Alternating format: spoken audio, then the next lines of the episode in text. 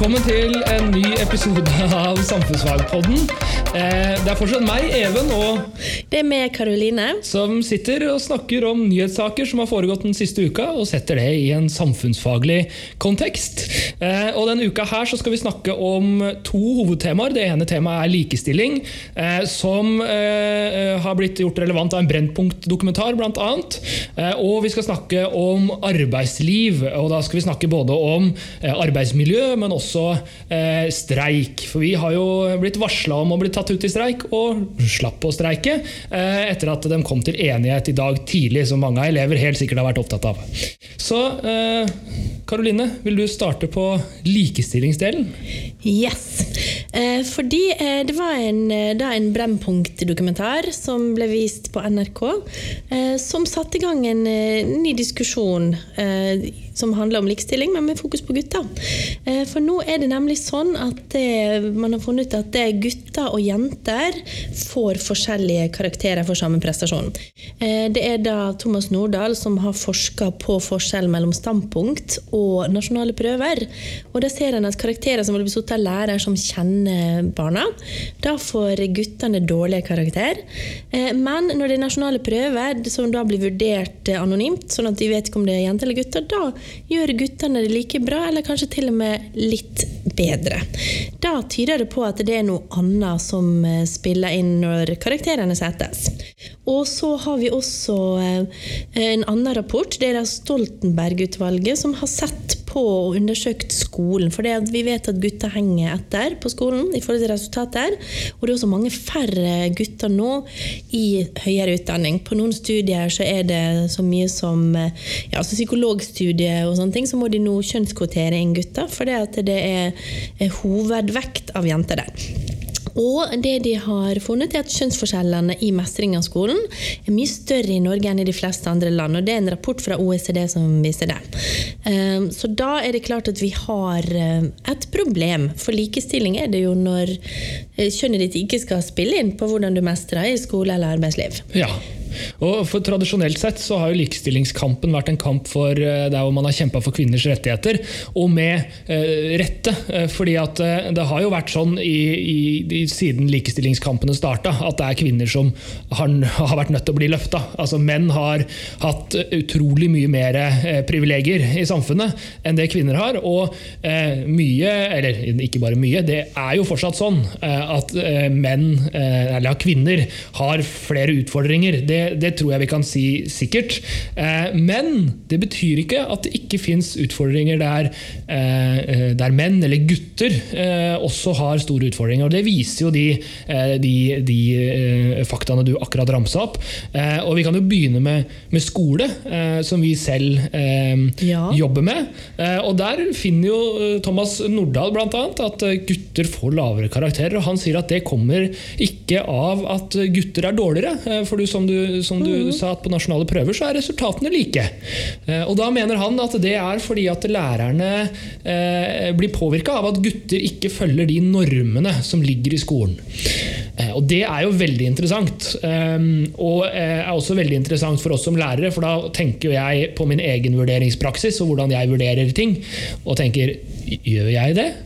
Eh, og I tilfelle så er jo det veldig eh, feil, om det er sånn. Ja, men det, det, er, det som er viktig å presisere her, da, at eh, normer er jo Også når vi gjør sånne vurderinger, så gjør vi det ubevisst. Og det er jo i sosiologien, som er på en måte mitt fag, da, så kan man snakke om at man har noen sånne rammer for forståelse, for hvordan man forstår virkeligheten. Og de rammene påvirker hvordan du ser. Og vi kan tenke oss at kjønn, eh, normer som har med kjønn og sånne ting gjør, det lager rammer som gjør at vi forstår ting annerledes. Vi leser liksom folk annerledes, og det syns jeg er utrolig interessant. Og måten vi kan eh, få bukt på det her, det er jo nettopp å være bevisst på det at oi, eh, faktisk så forstår jeg en gutt annerledes. Altså, vi har jo eh, eksempel på det motsatte. I arbeidslivet så vet vi jo at det er færre kvinner enn menn som er ledere. I Norge er det vel syv av ti ledere som er menn. I privat næringsliv i hvert fall. Eh, og de har gjort et eksperiment der de tar en profil av en yrkesperson som viser utdanning og karriere og sånne ting. Eh, og så tar de og, to, to, versjoner av den, den. De er helt like, men de får et jentenavn og guttenavn. Mm. Og da blir kvinnen eh, i den biografien eller den profilen blir lest på som aggressiv og uvennlig, ikke en person du ville hatt som sjef. Mens mannen, når du har et mannsnavn og det er akkurat samme informasjonen, blir da sett på som en handlingsdyktig, raus kar som du godt også kunne tenkt å ta til en øl etter jobben med. Mm. Og nå ser vi jo selvfølgelig at det, det, her spiller også inn på måten vi ser på gutter og jenter på. Ja. Eh, en eh, gutt som sitter i klasserommet og kanskje ikke alltid følger med, som ikke alltid hører på læreren, som kanskje beveger seg litt mer, eh, forstår vi det som mindre skoleflink, selv om prestasjonen er akkurat like god, for det viser jo Nordahl sin forskning. Mm. Så det handler ikke om vond vilje, det handler rett og slett at vi blir farga av kategoriene vi er lagd av i samfunnet. Ja, og de kategoriene er jo, og Man snakker gjerne om sånne kategorier som noe som er fast, og noe som er vanskelig eller umulig å gjøre noe med. Eh, det er jo ikke sånn, eh, og sånne kategorier har vi jo sett at har blitt endra. Altså, veldig fort. Eh, ja, veldig fort. Mm. Altså, og man har kanskje sett større forandringer i kvinnens, eller vår forståelse av kvinnens rolle i samfunnet enn for mannens del. Eh, fordi at eh, vi har fortsatt en sånn type machokultur som kreves. Og, eh, Absolutt. Så det er kanskje NRK, på tide å se på gutterolla igjen. Ja, og NRK har jo også en dokumentar som viser barnehagebarn. hvordan dem blir på en måte, Og der er det sånn at gutter får mer oppmerksomhet, og gutter når de skulle spikre på en sånn, der, eh, sånn fuglekasse, mm. eller hva det var for noe, så, så, var det sånn at det var guttene som fikk lov å komme bort, mens jentene ble skyvet unna. Og det er noe med, ja ok, Det ser man jo også på som, som negativt, at jentene blir skyfla unna når det er sånne ting, men samtidig så er det sånn at guttene blir på en måte bygd også inn i en forståelse der hvor de skal være sterke og bry seg om ting som er sånn materielle ja. ting, og slå med hammer og sånne veldig, veldig trange rammer, egentlig. Ja. Jeg, har lest, jeg har jo sett en dokumentar på Netflix som jeg vil anbefale til alle, den helst kom tilbake igjen, som heter The Mask You Live In, som tar for seg akkurat den litt sånn trange gutterolla, og ser på den og ser på at den faktisk ikke, selv om den er forbundet med styrke og sånne ting, det er ikke noe positivt alltid skulle være sterk. Det er ikke positivt positivt og alltid skulle være den som har kontroll, og ikke skulle vise følelser. Og den viser hvordan, gjennom sosialiseringen, som er et eh, samfunnsfaglig begrep altså Sosialisering handler om at vi lærer hvem vi er gjennom tilbakemeldingene vi får fra de rundt oss. Mm. Og fedre i den dokumentaren forteller om at det, de kan si ok, hvis noen bøller med det på skolen, så bare slå tilbake, for ellers så tror de de er svake. Og de sier ikke det fordi de syns at vold er bra, men de er redd for at eh, gutten sin skal bli sett på som en pyse. Mm. Og sånn er det med å forsterke de der noen ideene om at gutter liksom ikke skal vise følelser. Og resultatet er jo at det, de blir oppdratt til voldelige, asosiale Ikke asosiale, men til, til, å være voldelige, til å ikke kjenne på egne følelser, til å ikke kunne vise svakhet. Mm. Og det tjener ingen på. Nei, og det her slår jo selvfølgelig ulikt ut. og Det er ikke sånn at det er, sånn, det er vanskelig å generalisere 100 og det er sikkert noen gutter som sitter og hører på det her som tenker sånn Nei, det her stemmer ikke, det er ikke sånn. Og, og det, det, stemmer helt sikkert. Det er aldri 100 det, det, er aldri 100% og det er viktig å si. Eh, men når man snakker om statistikk på den måten her, så blir det jo ofte en form for generalisering. og det er fordi at man trenger det for å kunne, kunne forstå et fenomen. Da. Eh, og apropos Også, statistikk, det må jeg si, vi har jo diskusjoner innimellom om der vi er bekymret for at innvandrere som gruppe er overrepresentert på kriminalitetsstatistikken. Det betyr mm. at de utgjør en større andel på statistikken enn det det utgjør av befolkningen ellers. Men det vi nesten aldri snakker om, hvorfor er menn overrepresentert på mm. kriminalitetsstatistikken? Det burde bekymre oss like mye, for vi er jo 50% menn og kvinner. Mens menn utgjør jo noe sånn som 80% av, av de på kriminalitetsstatistikken. Mm. Og kanskje vi skulle vært mer bekymra for det, for eh, Absolutt. de som kommer hit fra andre land, og gjerne krigsherja land, har jeg mye mer forståelse for mm. at de er voldelige eller kriminelle. Mm. Fordi at de har en ganske tung ballast, mens uh, menn som er født og oppvokst i et fredelig land, og uh, der hvor vi egentlig har alle muligheter, det er kanskje en, en skumlere statistikk. sånn ja, sett. Der er det noe på gang. Og Det er jo et veldig morsomt eksperiment som ligger ute på nett. Det jo ikke vitenskapelig, det er fra et TV-program som heter What Would You Do? Som viser tre scenarioer. Det viser en hvit gutt som prøver å stjele en sykkel i en park en svart gutt som prøver å gjøre det samme, og så ei hvit dame. da. Og Det er jo utrolig for en forskjellige reaksjoner, altså hvordan de leser, publikum leser de forskjellige situasjonene. Den hvite gutten det tar en time, så ringer noen til politiet. Eh, og lurer, Mange som kommer og lurer på hva du gjør på, men han forklarer nei, teknisk sett er ikke det min sykkel, men Og de stoler på han. Den svarte gutten tar det to sekunder, mm. så står det mobb rundt den. Mens hva tror du skjer med jenta? Ingenting? Nei, det kommer menn bort og sier Hei, skal jeg hjelpe deg? Jeg har sittet i fengsel for tyveri før. Og det er helt utrolig. Det er ingen som ringer til politiet, men de tilbyr å hjelpe henne med å stjele. Ja. Kan det ha noe å si? At vi jenter blir ikke forstått som kriminelle? Ja, det er klart det. Og, man, og veldig ofte, eller man sier jo også at, at man blir det man blir sett på som. Så hvis det er forventninger til at du skal være på sett eh, på, på en måte, så har man en tendens til å på en måte eh, følge den veien. og Det er jo derfor man ofte ser at de som er førstegangskriminelle, gjerne blir, eller fortsetter i den, den retningen, fordi at samfunnet ser på dem som, Ja, og det er jo det kriminelle. rolle er. Altså, Ja. En rolle er jo et sett med forventninger. Så en kjønnsrolle er en sett med forventninger Ja. til hvem du er, basert på kjønnet ditt. Ja. Og Da kan vi jo gå videre og diskutere eh, litt knytta til høyere utdanning også. for man ser jo På psykologistudiet så er det jo sånn at det, det er aller aller mest kvinner. Og grunnen til det er jo at eller Sånn det fungerer på høyere utdanning i Norge, er jo at de som har, eller det justeres ut ifra hvor mange studiepoeng du har. og du får Antall studiepoeng får du ut ifra hvor gode karakterer du har. Så har du eh, seks i snitt, så får du da jeg tror det ganges opp med ti. eller sånn, Det er en eller annen sånn, sånn greie på det, så da har du kanskje 60 studiepoeng å søke med. Det vil si at de som har høyest karakterer, har høyest sannsynlighet for å komme inn på de beste studiene. Og så er det igjen sånn at eh, På psykologistudiet for eksempel, så har de for å gjøre det enkelt 100 plasser. Da. Eh, og eh, da er det sånn at snittet av de som søker, av de 100 som søker, er det som blir på en måte inntakskravet. Så det er ikke sånn at eh, noen bestemmer hva inntakskravet skal være. Nei, det avgjøres av hvor populært studiet er. Og psykologi er et veldig populært studium. Eh, og det gjør at du må ha veldig høye karakterer. Og så vet vi da at eh, jenter har mye høyere karakterer enn gutter. Og det gjør at, eh, at snittet for å komme inn eh, eller snittet er høyt, og det gjør at flere jenter kommer inn. Eh, og her har det jo vært en diskusjon, eller det diskuterer man i den Brennpunkt-dokumentaren, om man skal kunne gi kjønnspoeng. Og Kjønnspoeng er eh, at eh, du får ekstrapoeng for å, eh, fordi at du er gutt eller fordi at du er jente. Og Det her er brukt på over 150 eh, ulike studier eh, på, på høyere utdanning for kvinner. Mens det er brukt på noe, jeg tror det var åtte studier eller noe sånt nå, mm -hmm. for eh, menn. Um, og det er jo eh, en sånn, ja, Er det her likestilling eller er det ikke? Og, og Man har jo brukt det her tradisjonelt sett for å få kvinner inn i mannsdominerte yrker. Kvinner har f.eks. kjønnspoeng på ingeniørstudier. Eh, og Da diskuteres, diskuterer de jo her at eh, ja, men bør det ikke være sånn at menn får det i kvinnedominerte yrker? Sånn som psykologistudiet, eller kanskje også legestudiet. Eh, Og Det er jo litt spesielt med de yrkene, for vi trenger jo kanskje å ha en kjønnsbalanse av eh, behandlere som er psykologer. Ja, definitivt. Man snakker jo om eh, i, i Kongsberg nå, som vi har hatt utfordringer knytta til psykisk helse, så sier de at vi trenger en helsebror. og Da er vi på helsesøsternivå, men det, jeg vil tro at sø- innsøkninga til helsesøsterstudiet eh, ligner veldig på, eh, på i, i kjønnsbalanse som, som andre studier. Og, um, og, og her har vi også da den nye statistikken. og det er at i, På høyere utdanning så er det 59 eh, kvinnelige Ja. studenter. Av all Eh, høyere utdanning. Og det ja. er jo, da begynner vi å snakke om strukturelle forskjeller. forskjeller. Mm. Eh, og Det har jo vært en satsing på å jevne ut det nivået, men nå er det jo sånn at nå er det kvinner, nå er det faktisk menn som må hjelpes inn. da. Eh, nå er vi motsatt ende eh, fra da vi var når vi starta det her på eh, slutten av 70-tallet, der hvor man ønska flere kvinnelige studenter inn. Men betyr det at nå skal vi spenne ben for de flinke jentene, da? Nei.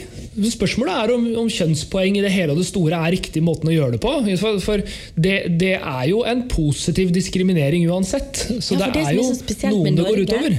Ja. er jo at det, vi har et av de mest kjønnsdelte arbeidsmarkedene i Europa, selv om vi scorer veldig høyt på likestilling. Mm. Så det vil jo si at i praksis så har du lov å velge hva du vil, men så velger gutter og jenter veldig tradisjonelt. Jentene velger omsorgsyrke. Altså Nå sier du litt sånn svart-hvitt, men når du ser på statistikken, så er det ganske svart-hvitt. Og gutter velger tekniske yrker, som ja. kanskje er mer krevende. Så eh, hva, hva er det vi vil, da?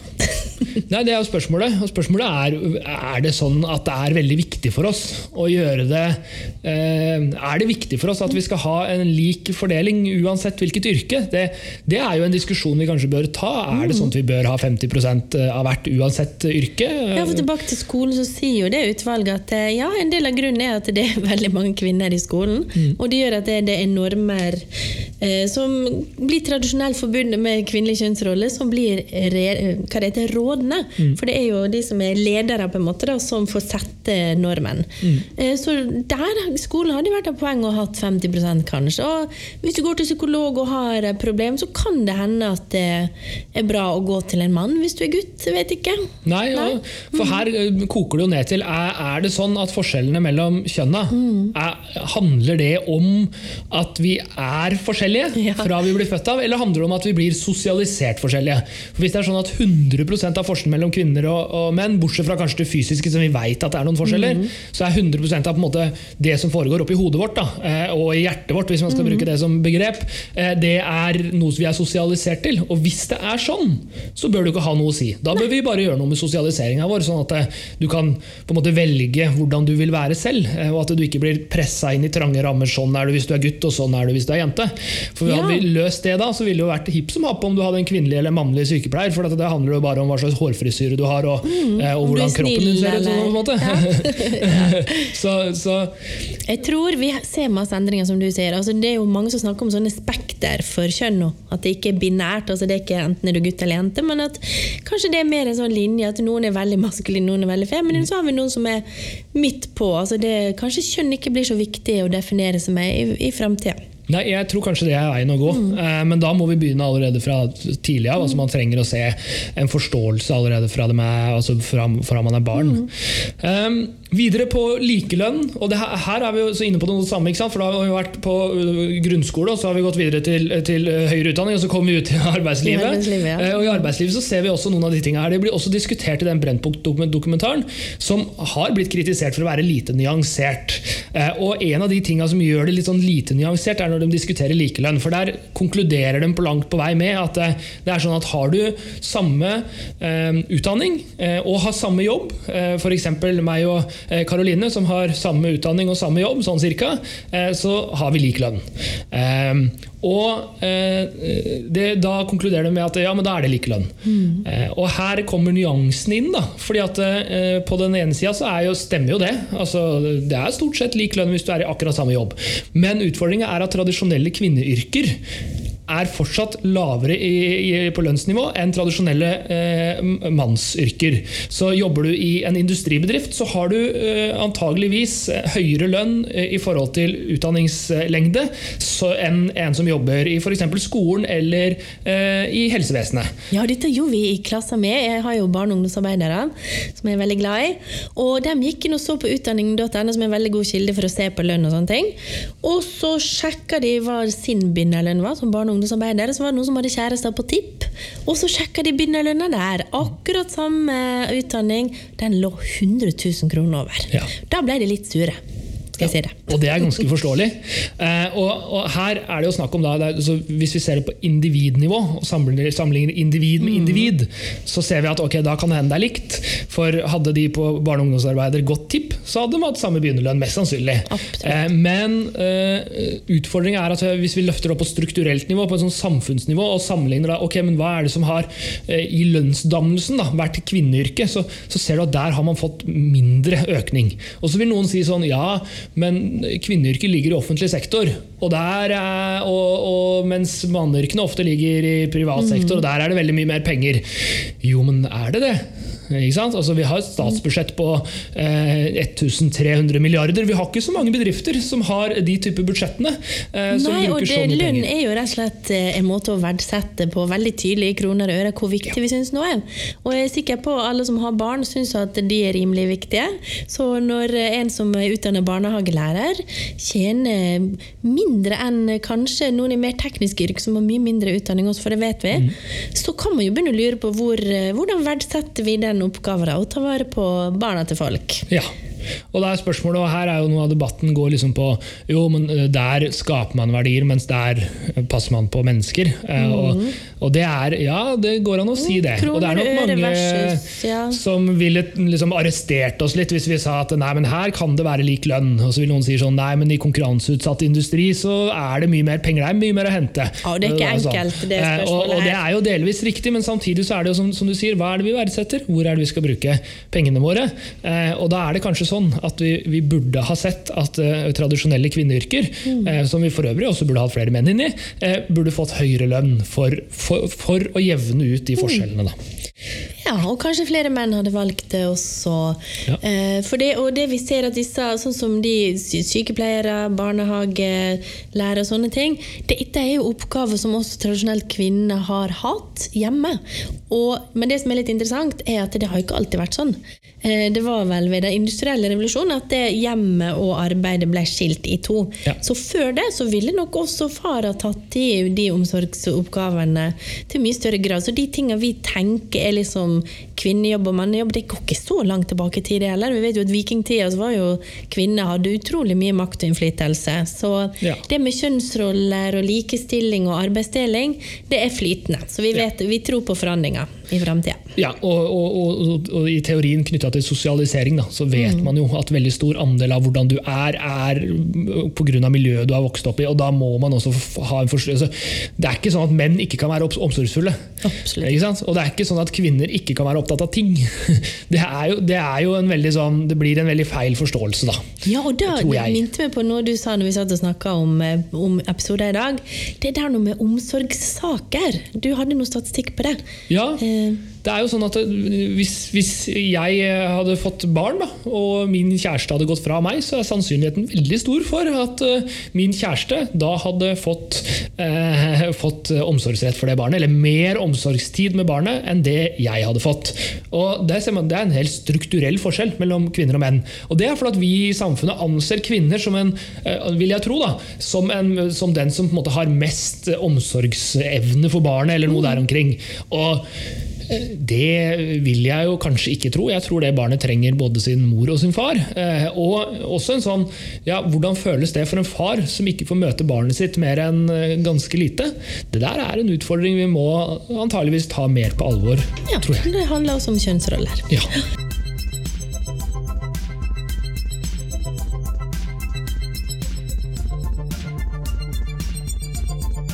Da er vi i gang med del to av eh, dagens podkast. Da skal vi snakke som jeg sa i, begynnelsen, om arbeidsliv. Eh, og eh, Vi kommer ikke til å snakke om alt som er i arbeidslivet, for da blir det en veldig lang podkast. Men vi skal snakke om to ting, og det er arbeidsmiljø, og, der kommer også verneombudet inn, og det andre er streik. Og så kommer den delen her til å bli litt grann rask, fordi at eh, vi skal prøve å ikke ha kjempelange podkaster. Så, eh, så vi starter med å snakke om, om streiken. Eh, og vi, eh, vi fikk jo vite i dag tidlig, eller var det i går kveld, at de hadde, partene hadde blitt enige. Dvs. Si at vår organisasjon, Utdanningsforbundet, eller Unio, hadde blitt enige med KS, som organiserer da skolene og kommunene i Norge. Og det vil si at vi ikke streika i dag. Vi kom på skolen og hadde undervisning med våre fantastiske elever. Og det er jo bra, eh, fordi at da har vi blitt enige om eh, en avtale. Enige om hva slags lønn vi skal, eller hva slags lønnsøkning vi skal få eh, i mellomoppgjøret. Um, og eh, hadde vi ikke blitt enige, så hadde det blitt streik. Og da er, jo, er det jo sånn at eh, Hva er egentlig da streik for noe? Eh, en streik er jo at vi Ja, det er jo det at vi legger ned verktøyene som vi har da, og nekter å arbeide. Og det er fordi at det våre arbeidsgivere på en måte får av oss, er jo arbeidskraften vår. Så det er en måte å hva jeg skulle si, da, ta og vise at kontrakten mellom arbeidstaker og arbeidsgiver er brutt for en stund, eh, fordi at det bygger på en felles avtale. Her i Norge så har vi jo stor enighet mellom partene eh, når det gjelder arbeidsforhold og lønn og sånne ting. Og da har vi det som et virkemiddel, for ellers så Hva skulle vi gjort? Vi skulle sagt ja, da slutter jeg. Ok, da får du finne en ny jobb. Så det er kollektiv, å handle kollektivt da, som en streik er, det å vise på en måte den styrken du har. Og vi kanskje vise i verdien av arbeidet du gjør også. Man ser oi, plutselig får ikke vi eksamen fordi læreren er ikke her. Og, så, og synliggjøre at det her er viktig, og så bruke det som, som et ris bak speilet, som det heter, altså når, når man gjør forhandlinger. Ja. Men eh, um, det er jo ikke altså det er jo en konflikt, men det er en veldig ordna form for konflikter. Og det er avtalt, altså det er lov å ha streik. Ja. Så eh, det er ikke noe at vi gjør noe ulovlig. Nei, Det er jo til og med liksom, sett på som veldig galt hvis man bryter, altså bryter reglene for streik. Så det vil si at Hvis jeg hadde vært borte og du ikke hadde vært ut, tatt ut i streik, og du plutselig begynte å ta undervisninga for mine elever, så hadde du blitt veldig upopulær. Eh, fordi at Det er ikke populært å, å, å bryte streikereglene i Norge. Så er det ikke ulovlig å være streikebryter, men det er hva skal man kalle det, moralsk ulovlig. Så det er en norm som sier at det ikke skal være sånn, men det er ikke en lov som sier at det er det. Så du blir ikke kasta i fengsel for å være streikebryter, men du blir, eh, du blir ingen populær person på arbeidsplassen din hvis du bryter streikereglene.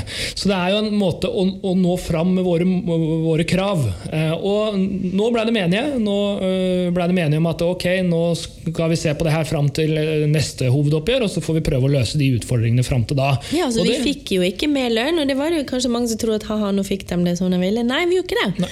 Men eh, det med streik, altså vi vet jo at det har konsekvenser for eh, uskyldige tredjeparter, sånn som elevene, selv om det var en del skuffa elever. det var en del elever som heller ville hatt fri. da.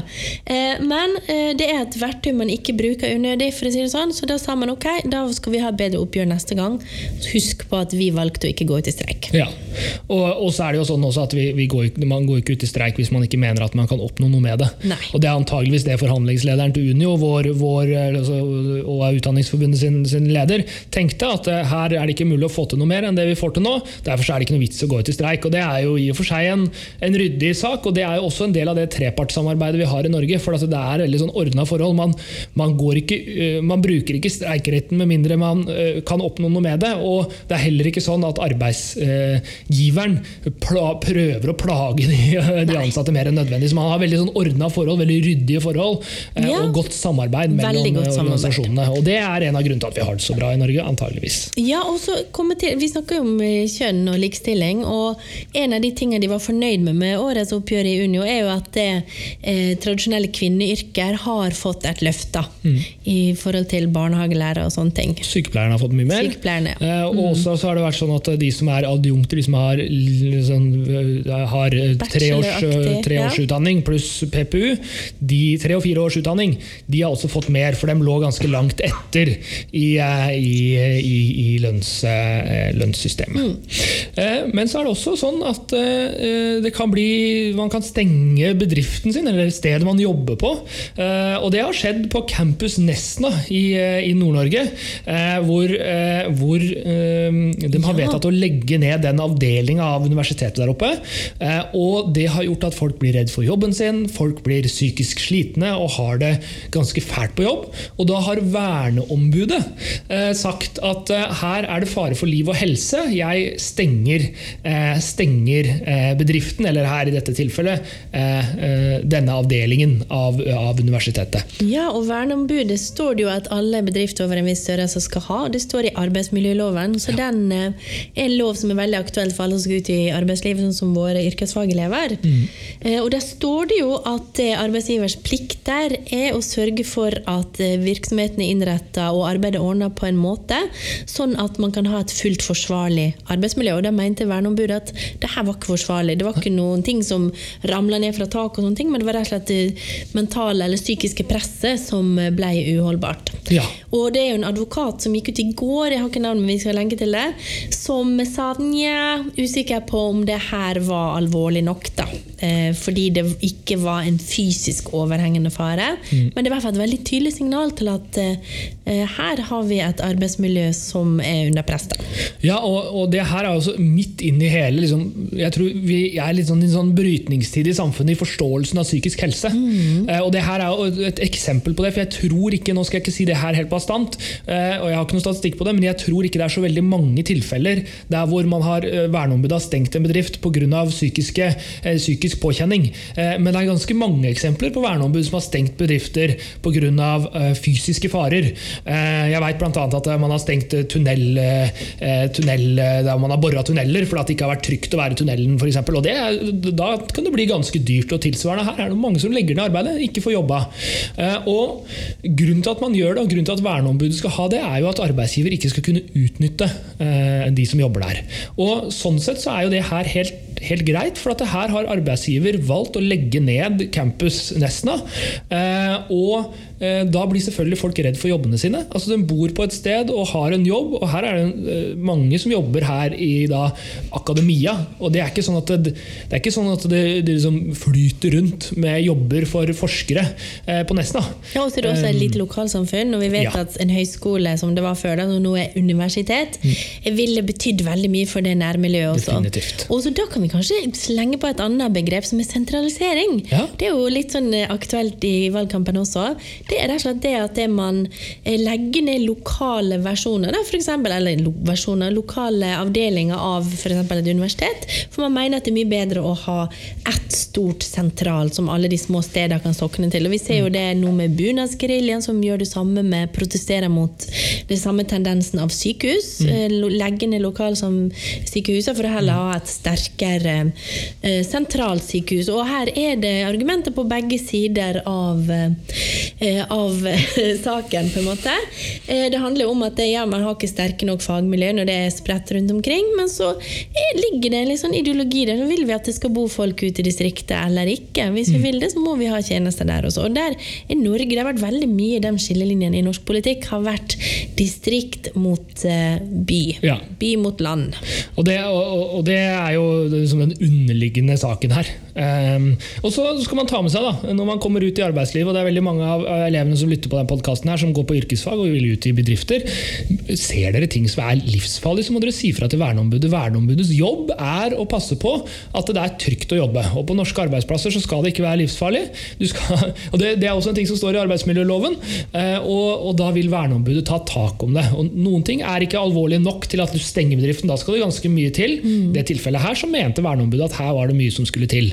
Nei, At det var det som skulle til. Ja. At det var psykisk krevende nok. For det er jo krav, altså Hvis vi ser på paragraf 4-3, så er det krav til det psykososiale arbeidsmiljøet. Og det er jo det det her det handler om. Mm. Eh, nå skal vi raskt oppsummere, for det er viktig å gjøre. Da lærer vi mest. Eh, først snakka vi om likestilling i del 1. Der var vi inne på eh, Brennpunkt-dokumentaren, og vi snakka litt om, om, hvilke utfordringer gutter møter i samfunnet.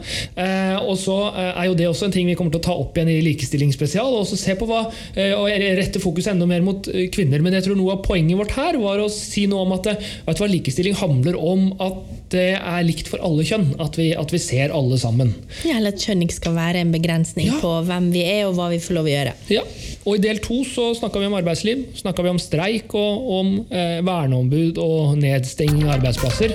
Eh, og eh, Arbeidsmiljøloven var vi så vidt innom. Ja. Psykososialt arbeidsmiljø er like viktig som det fysiske. Ja,